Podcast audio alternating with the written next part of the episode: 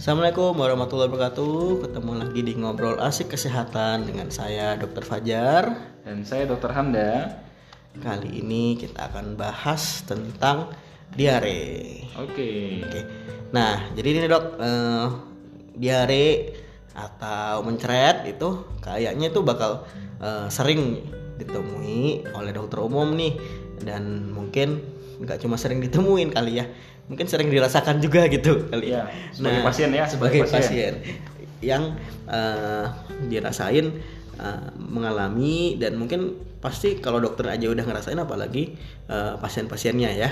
Nah, eh, di hari ini nih eh, berhubungan soal ke belakang, soal eh, buang air. Nah, jadi di sini kita mau bahas nih dok tentang diare, dok, karena selain sering ditemuin dan sering dirasakan, eh, diare ini ternyata sebenarnya punya eh, arti signifikan gitu, karena eh, kadang kalau yang mencret atau diare itu orang gede kayak kita dok ya kita tinggal minum obat biar nggak diare gitu atau tinggal minum yang banyak.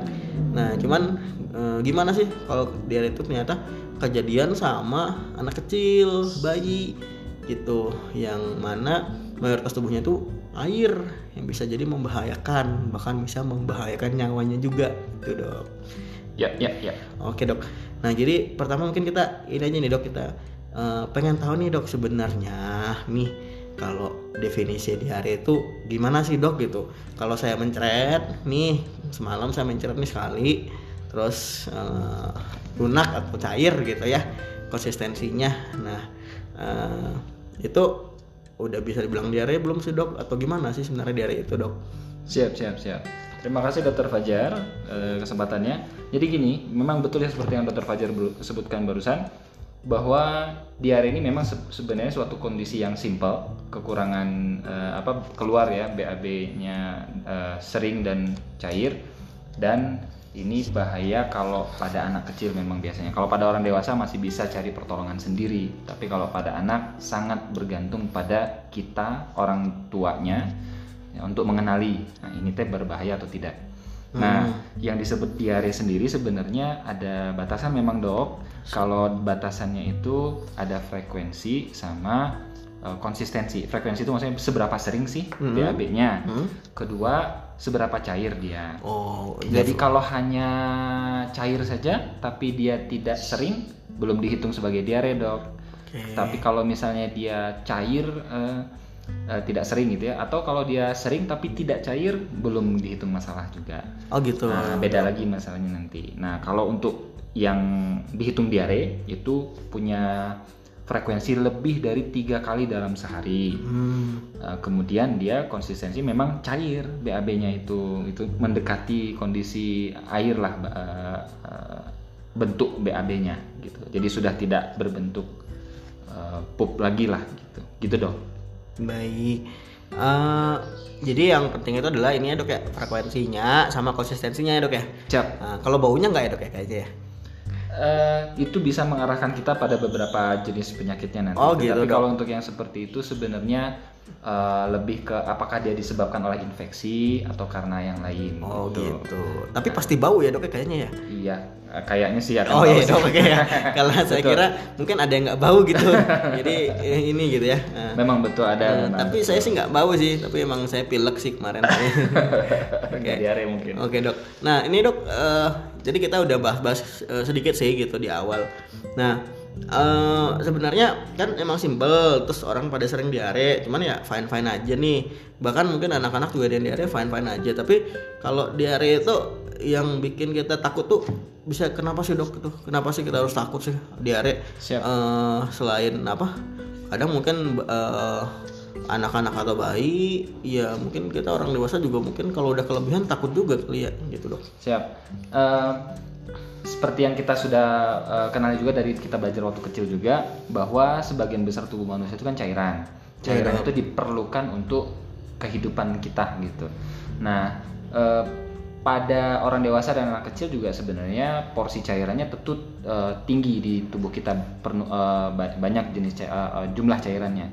Eh, tapi masalah utamanya adalah pada saat kalau misalnya cairannya itu banyak terbuang, tentu penggantiannya itu susah pada anak kecil, pada bayi.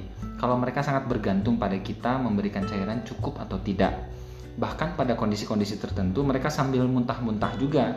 Sudah kita usahakan kita kasih, tapi malah tetap keluar, tetap keluar juga gitu.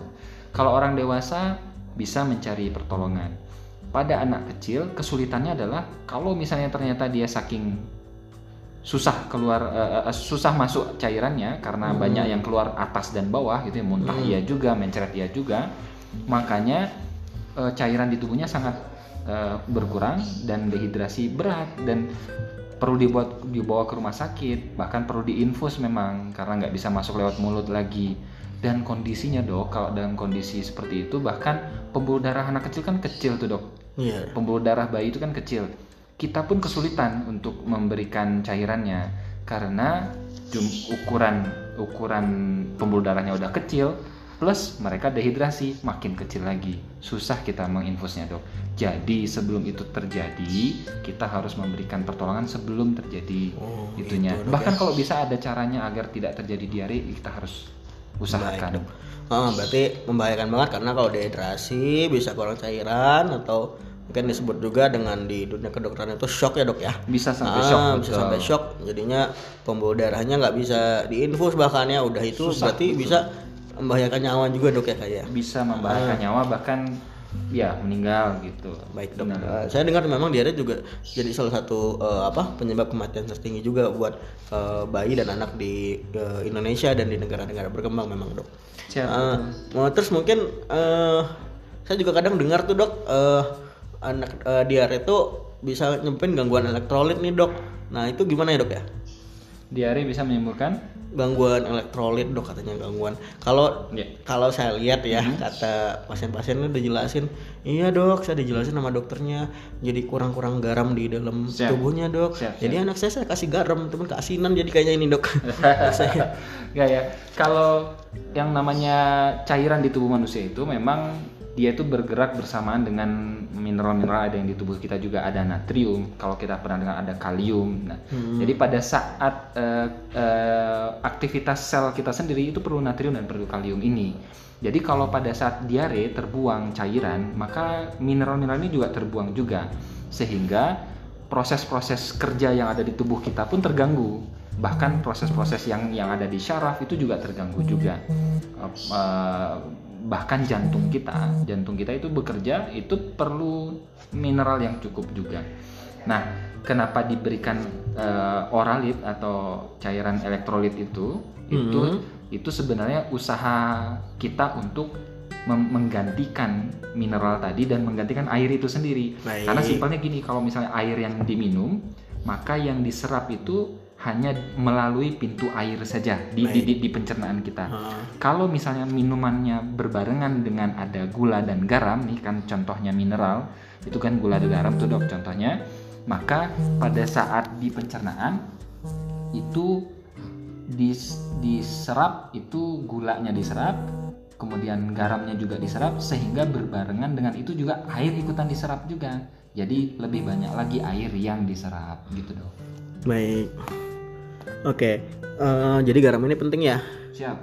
Uh, uh, kalau garam itu bahkan fungsinya sampai jantung juga dok ya. Kalau bahkan saya ingatnya juga itu juga sistem-sistem saraf, ya. saraf pusat, uh, terus apa uh, otak, sum-sum tulang. Hampir semua hmm. sel di tubuh kita itu tentu perlu mineral untuk bekerja. Jadi itu adalah bagian penting dari kehidupan jadi kalau bicara air sebenarnya tidak hanya masalah H2O-nya saja, mm. tetapi juga bicara mineralnya. Makanya kalau dikasih sama dokternya, Bu nggak cukup Bu dikasih air minum aja, tapi mm. ini Bu ada oralit obatnya gitu. Okay, Jadi okay. oralit, oral, elektrolit itu itu di sana dok. Gitu. Siap. Oke okay, dok. Oke, okay, nih jadi uh, oke okay, saya kebayang nih dok. Jadi diare itu udah mah bisa ngancam nyawa dari airnya yang kurang. Uh, terus dari ini juga ya dari garam-garamannya yang kurang yang bikin garam-garam dalam tubuh kita kurang dan itu juga pun harus digantiin Siap. nah memang itu harus kita uh, pentingin banget berarti ya kalau ada anak diare apalagi bayi kali ya harus nah mm, Nah sekarang ini saya kita mungkin udah paham nih pentingnya gimana. Eh, sekarang nih dok kalau seandainya yang nyebabin diare itu apa sih dok? Siap. Eh, Ya, sangat banyak memang penyebab diare betul. Tetapi kalau kita bicara tentang diare yang disebabkan oleh eh, yang yang bisa kita lihat ada ada karena em, jenis makanan tertentu bisa karena ini. Tapi yang paling perlu kita perhatikan adalah kebersihan makanan. Jadi karena kuman. Nah, karena kumannya bisa karena virus, kita karena bakteri, karena parasit juga ada. Virus kita kenal ada yang paling eh, banyak itu dikenalnya ada rotavirus. Baik. Kalau bakteri mungkin pernah dengar salmonella, ada shigella, itu bakteri. salmonella nih bakteri di ikan salmon dok? Eh, Oh bukan. bahkan ke tipes dong. Nah, Oh. Disering orang salmonella TV ya. Oh, Jadi salmonella. Tipes, tipes, Tipes. gitu. Eh, Jadi orang tipes ini dari makan salmon. Apa gimana dok? bukan. Bukan, oh, bukan. Kok jadi Kebetulan nama namanya salmonella. Salmonella TV. TV. Oh gitu Nah, dok. Kumannya dari air juga Oh, dari gitu. cairan. Dapat dari dari luar dalam bentuk dari makanan atau minuman yang terkontaminasi si kuman salmonella ini. Baik. Ya, kemudian ada parasit. Parasit contohnya yang sering itu adalah E. coli kalau bahasa Inggrisnya. Eh, eh, E. coli ini eh, banyak ditemukan pada kotoran manusia tentu saja. Oh. Jadi maka- makanan atau minuman yang kita konsumsi yang terkontaminasi dari eh, apa eh, Virus, kum, bakteri atau parasit ini nih. yang tadi itu gitu dong. Oh gitu dok. Jadi tidak hanya itu bisa juga dari tangan kita misalnya atau bahkan alat makan kita yang terkontaminasi kuman-kuman tadi. Itu Hmm. bisa sumber penularannya. Oh dari air bisa dok air. Bisa bisa banget air yang kita konsumsi. Kuman ini bisa hidup di air berarti ya? Eh, ada beberapa yang hidup di air atau ha- ada yang hanya lewat saja di air. Oh, berarti primbonnya cocok kerja di air kayaknya nih dok ya. Nah, eh, jadi dari kuman-kuman ini dia bikin eh, ini ya. Kadang memang eh, mungkin perspektif itu tuh makan makannya makannya bersih nggak gitu. Kadang mungkin makannya bersih ternyata airnya yang kotor gitu atau Ya, ya. ternyata airnya bersih makanannya bersih Tangannya kotor. tangannya yang kotor gitu. Oke deh cuci tangan. Eh piringnya yang kotor gitu ya. Nah benar.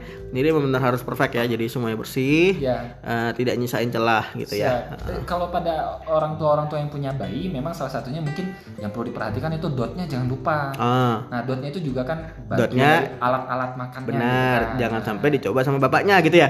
Bukan gitu dok ya. Jangan sampai meninggalkan kuman. Oh meninggalkan kuman ya berarti Gitu. bapaknya eh, itu ya Ikut cuci, membersihkan. cuci Harus gitu. ikut membersihkan juga benar, benar dok, benar dok. nah, nah, kalau eh, jadi itu dari ini ya eh, Sumbernya. sumber-sumbernya dok ya.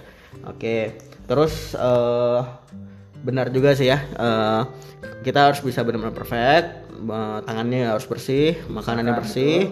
eh, dimasak dengan baik dan eh, airnya bahkan eh, apa alat-alat makannya juga harus bersih gitu dok ya. Siap. Nah, terus kalau nih dok, misalkan udah kejadian nih ada yang diare eh, anak kita atau eh, kenalan kita nih, nah itu gimana sih kita nanganinnya dok?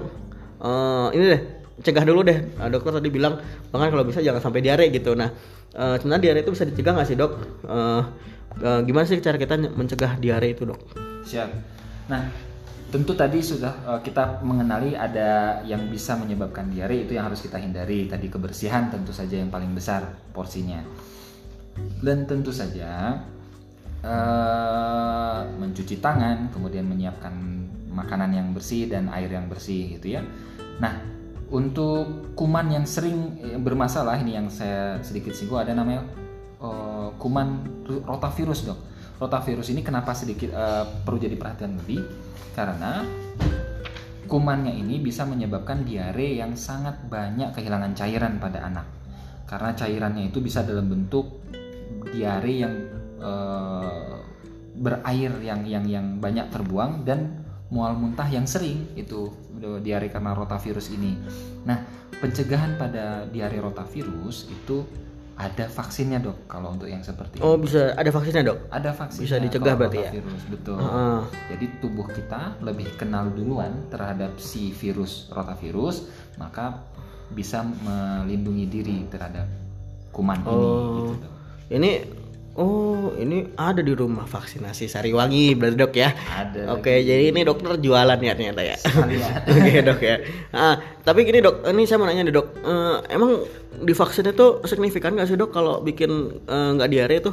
buat si anaknya gitu nah soalnya eh, apa penting gitu penting banget gak sih kita harus ngevaksin atau ya udah sih nggak ngevaksin juga nggak apa-apa gitu nah Ya, yang biasanya eh, tadi yang saya bilang anak yang pertama kali kena eh, gejala rotavirus ini itu kondisinya bisa langsung parah memang. oh langsung parah Bisa dalam bentuk parahnya itu karena ke- kehilangan cairan karena kan pertahanan tubuhnya belum mengenal si virus. Hmm. Jadi virusnya sudah menimbulkan eh, masalah dulu sampai berat gitu ya. Hmm. Cairannya banyak terbuang. Nah, kalau perlindungan ini eh, apa eh, tubuhnya bisa membuat perlindungan terhadap virus ini akan sangat besar eh, manfaatnya, Dok. Jadi orangnya jadi kenal eh, terhadap virusnya dan itu bisa mencegah eh, diare karena rotavirus ini. Bahkan kalau di ada data di Amerika itu eh, kasus kasus diare karena rotavirus di Amerika itu sangat eh, jauh turunnya bisa eh, eh, sampai mendekati 80% 90% karena orang yang sudah eh, terinfeksi eh apa ter- tervaksinasi itu menyebabkan mereka jadi terlindungi eh, dari virus Nah, gitu. Oh, jadi oh sebenarnya lumayan signifikan nih dok kalau kita vaksin ya karena bisa gejala pertamanya parah dan ternyata eh, sig- apa efektivitasnya itu lumayan besar ternyata dok ya. Ya, kalau kalau datanya di Indonesia sendiri itu 77% dari eh, kasus diare itu disebabkan oleh rotavirus di Indonesia. Eh, itu anak usia berapa dok? Biasanya? Anak usia di bawah satu tahun. Di bawah satu tahun.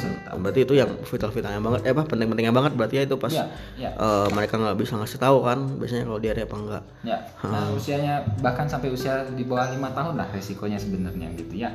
Nah, kemudian eh, di di apa namanya itu di di Amerika sendiri itu eh, ada eh, kondisi sampai empat ratus ribu eh, kunjungan dokter untuk kasus rotavirus ini dalam setahun. Jadi sangat tinggi memang Oh, kasusnya. 400 ribu kunjungan dokter dalam setahun. Iya. Oh, dan gitu kasusnya pun jadi turun, mulai turun pada saat eh, Vaksinasi. tingginya eh, pemberian vaksin gitu. Kalau saya sih ya udah nggak usah divaksin biar banyak pasien sih gitu dok kok, kok malah mikir gini dok ya? Ya udahlah sih. Nggak saya nggak ngerti juga sih mungkin. Eh, soalnya kalau divaksin nih ya makin ya kalau biaya berobat infus gitu-gitu tahu sendiri kan dok. Sekarang biaya berobat mahal. mending nggak usah vaksin lah gitu kata saya. Gitu. Ya, betul, betul. Di satu sisi bisa seperti itu memang betul, tapi di sisi lain jangan lupa bahwa kalau misalnya kasus ini terjadi, bahkan yang tenaga kesehatan di rumah sakit yang akan repot menghadapinya, bahkan mau infus aja susah nanti. oh iya benar-benar. Ya, itu justru nanti ngebahayain nyawa kali dok ya bisa Betul, meninggal. betul. siap siap dok. Oke dok nih mungkin terakhir nih dok kalau seandainya nih ada yang diare nah itu eh, gimana sih kita ngenalinnya itu eh, kapan sih kita udah harus bawa tuh ke rumah sakit gitu? Atau kan kadang kok saya jujur ya saya dulu pernah ada pengalaman kerja di IGD ada yang masih baik-baik aja masih bisa minum dibawa ke rumah sakit. Ada yang udah keburu parah nggak dibawa-bawa pas parah baru dibawa. Udah nggak bisa diinfus kayak dokter bilang tadi gitu. Jadi gimana sih kita eh, misalkan kalau nih misalkan kayak saya nih kayak eh, ini nih kayak eh Mahmud nih mama mama muda gitu. Nah itu pengen tahu gitu misalnya kapan sih anaknya harus dibawa ke eh, rumah sakit kapan sih enggak gitu. Baik, kalau konteksnya adalah konsultasi dengan dokter, bahkan dari awal juga nggak apa-apa sebenarnya dalam kondisi diare yang ringan juga nggak masalah. Heeh. Tetapi kalau untuk ke rumah sakit, diare dengan kondisi dehidrasi sedang dan tentu saja dehidrasi berat harus ke rumah sakit. Nah, apa itu dehidrasi yang eh, sedang sama berat atau yang ringan? Kita bisa kenali dari kalau misalnya kita lihat anaknya, anaknya itu kelihatan haus kalau dia dehidrasi ringan dan sedang. Kalau dia sudah dehidrasi berat, bahkan untuk mau min- minum saja dia sudah lemah. Jadi kelihatan lemah dia. Kemudian kalau dilihat dari matanya itu sudah kelihatan ada cekung, Dok. Kalau kalau dia dehidrasi sedang dan berat. Kalau dehidrasi ringan dia belum kelihatan matanya cekung. Eh, Kalau dilihat dari air matanya, pada orang yang dehidrasi ringan masih kelihatan air mata kalau dia nangis. Kalau dia dehidrasi sedang dan berat itu sudah berkurang air mata bahkan kering, tidak kelihatan. Anaknya nangis tapi nggak kelihatan cairan keluar dari matanya. Jadi tanda-tanda seperti itu dan bisa kita lihat di di uh, mukosa mukosa apa ya bagian mulutnya itu kelihatan kering. Uh, itu pada dehidrasi yang sedang dan berat. Kalau yang dehidrasi ringan masih basah kelihatan di bagian uh, mukosanya bagian sekitar mulutnya. Sama di bagian kulit perutnya uh, kalau kita uh, cubit sedikit diangkat sedikit kalau anak yang dehidrasi ringan itu dia cepat kembali lagi ke posisinya. Kalau misalnya dia itu kondi, kondi, uh, kondisinya uh, sedang bahkan berat, hmm. itu agak lambat kembali kulitnya kembali ke perutnya. Gitu dong. Itu beberapa yang bisa kita kenali. Kalau gejalanya ringan masih bisa di rumah, bisa konsultasi lewat dokter bisa, tapi kalau sudah sedang dan berat bawa ke rumah sakit baik baik mungkin kayak berarti kalau air matanya mulai dikit terus ya. bibir pecah-pecah ya. terus apa uh, kalau dicubit di perutnya tuh rada lambat baliknya ya nggak kayak kulit biasa mulai, mulai lemas mulai lemas gitu, gitu ya uh, ya. itu secepatnya dibawa ke rumah sakit ya. kalau, terus hmm. uh, mungkin gini juga sih dok uh, mungkin dehidrasinya ringan sekarang cuman muntah-muntah nggak bisa masuk cairan gitu. Ah, ya, ya, nah, ya. Itu gimana dok? Tentu saja itu adalah salah satu hal hal yang harus membawa ke dibawa ke rumah sakit karena pada saat dia muntah-muntah yang sering itu yang sudah kita berikan pun akan keluar lagi. Maka sebelum sebelum pembuluh darahnya benar-benar kolaps atau sangat-sangat menyempit, susah kita untuk hmm. memberikan infus, sebaiknya dibawa ke rumah sakit biar diberi pertolongan secepatnya. Oke, okay, siap siap. Oke, okay, uh, eh, mungkin tadi sih uh, saya kira sih lumayan ya uh, apa uh, obrolan kita nih uh, saat ini uh, tentang diare dan mungkin mudah-mudahan jadi manfaat dan mudah-mudahan bisa jadi uh, pengetahuan buat uh, pendengar-pendengar di rumah kapan nih kita harus bawa kapan kita coba tanganin dulu gitu dan uh, mungkin juga bisa membahayakan juga kali kalau uh, ini ya kalau seandainya dibawa ke rumah sakit tapi padahal masih ringan dan uh, mana mana kita dalam kondisi pandemi kita nggak tahu di sebelah ada pasiennya infeksius apa enggak gitu ya jadi yeah. mungkin bisa jadi patokan nih buat pendengar di rumah kapan saya harus dibawa kapan enggak kalau benar-benar harus dibawa bawa aja Siap. pasien pakai masker protokol kesehatan jangan lupa terus cuci tangan berarti ya dok ya, ya. Uh, mungkin ada apa uh, apa kalimat penutup buat dari dokter Hamda buat uh, podcast kita kali ini? Siap, siap, siap. Uh, tadi kita bicara tentang diare secara umum. Saya ingin mengingatkan sedikit bahwa anak yang terkena penyakit diare karena rotavirus dapat mengalami dehidrasi sehingga memerlukan perawatan di rumah sakit. Jangan hmm. sampai ini terjadi. Jangan lupa tidak ada obat khusus untuk mengobati infeksi rotavirus ini. Nggak ada obatnya dok. Oh sama sekali nggak ada ya dok? Iya nggak ada obat. Uh. Karena kan dari virus ini sulit memang pengobatannya. Tidak ada obat antiviralnya. Maka cara terbaik untuk melindungi anak kita adalah pencegahan. Pencegahan tadi yang hygiene harus diperhatikan dan uh, sangat perlu diambil uh, kesempatan untuk pemberian vaksin rotavirus pada anak karena vaksin rotavirus ini akan menurunkan uh, resiko infeksi rotavirus pada anak kita.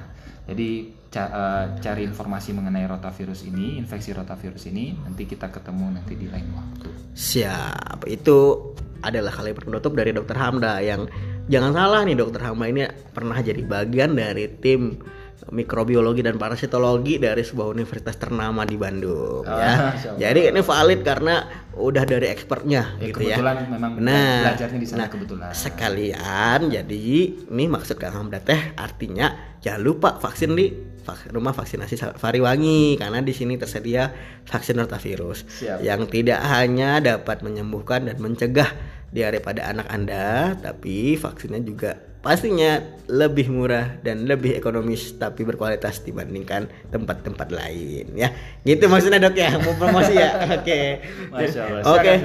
Oke terima kasih dok atas waktunya terima dok. kasih, semoga bermanfaat. Ya. uh, dari kalau kalau udah kita tutup aja dengan assalamualaikum warahmatullahi wabarakatuh